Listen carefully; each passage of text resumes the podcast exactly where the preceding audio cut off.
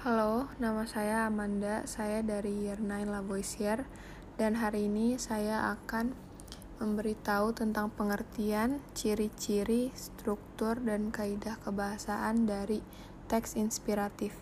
Kita mulai dari pengertiannya. Pengertian teks cerita inspiratif adalah satu bentuk prosa yang berisi kisah seseorang yang bertujuan untuk memberikan inspirasi atau motivasi Cerita inspiratif biasanya berdasarkan pengalaman pribadi seseorang, kemudian diceritakan kembali dalam bentuk prosa.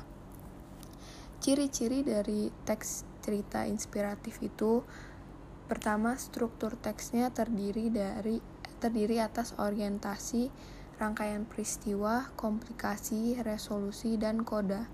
Yang kedua, memiliki tema spesifik mengenai kehidupan seseorang atau perjuangan yang dikembangkan secara naratif.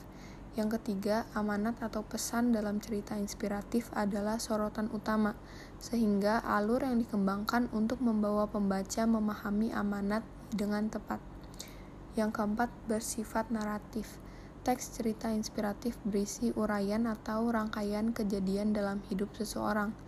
Yang kelima, tokoh utama dalam teks cerita inspiratif menjadi panutan untuk pembacanya. Terus yang keenam, tokoh dalam cerita teks inspiratif dapat berasal dari kehidupan nyata atau fiksi. Tidak jarang cerita inspiratif dikemas dalam cerita binatang atau dongeng agar mudah diterima oleh pembaca yang usianya masih anak-anak. Terus untuk struktur teks cerita inspiratif itu bagian orientasi adalah tahap pengenalan atau penyituasian biasanya berisi pengenalan tokoh, latar, dan latar belakang cerita. Yang kedua, bagian rangkaian peristiwa. Dimulai dari awal terjadinya sebuah peristiwa sampai pada puncak masalah. Yang ketiga, bagian komplikasi.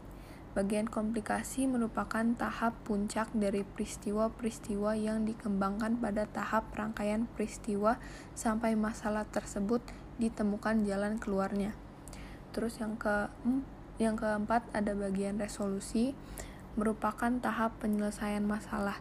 Peristiwa atau masalah yang dikembangkan pada bagian rangkaian peristiwa dan komplikasi dikendurkan pada tahap resolusi.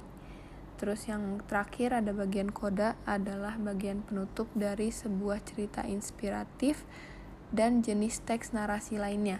Dalam tahap ini disampaikan kesimpulan dan pesan moral yang dapat diambil dari cerita tersebut. Lalu, kaidah kebahasaan dari teks cerita inspiratif yang pertama, kata keterangan tempat, waktu, tujuan, dan cara. Keterangan cara itu adverbial, ini menambahkan keterangan cara pada kegiatan atau peristiwa yang terjadi, misalnya dengan dan secara. Terus keterangan tempat adverbia. Ini menambahkan keterangan tempat terjadi sesu terjadinya sesuatu peristiwa atau kegiatan yaitu di, ke, dan dari. Terus ada keterangan waktu.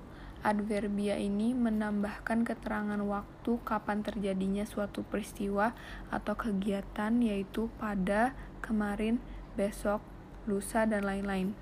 Keterangan tujuan adverbia ini menambahkan informasi tujuan pada kalimat, misalnya untuk, supaya, dan agar.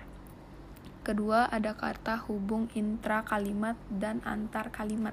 Pertama, konjungsi antar kalimat yaitu kata yang menghubungkan antara kalimat satu dengan kalimat lainnya, sehingga konjungsi ini selalu dimulai dengan kalimat baru. Konjungsi yang menyatakan pertentangan pada kalimat sebelumnya Biarpun demikian, sekalipun demikian, walaupun demikian, dan meskipun demikian. Yang ketiga, konjungsi yang menyatakan lanjutan dari peristiwa atau keadaan pada kalimat sebelumnya, sesudah itu, dan setelah. Konjungsi yang menyatakan adanya hal, peristiwa, atau keadaan lain dari luar yang telah dinyatakan sebelumnya, seperti tambahan pula, lagi pula, dan selain itu.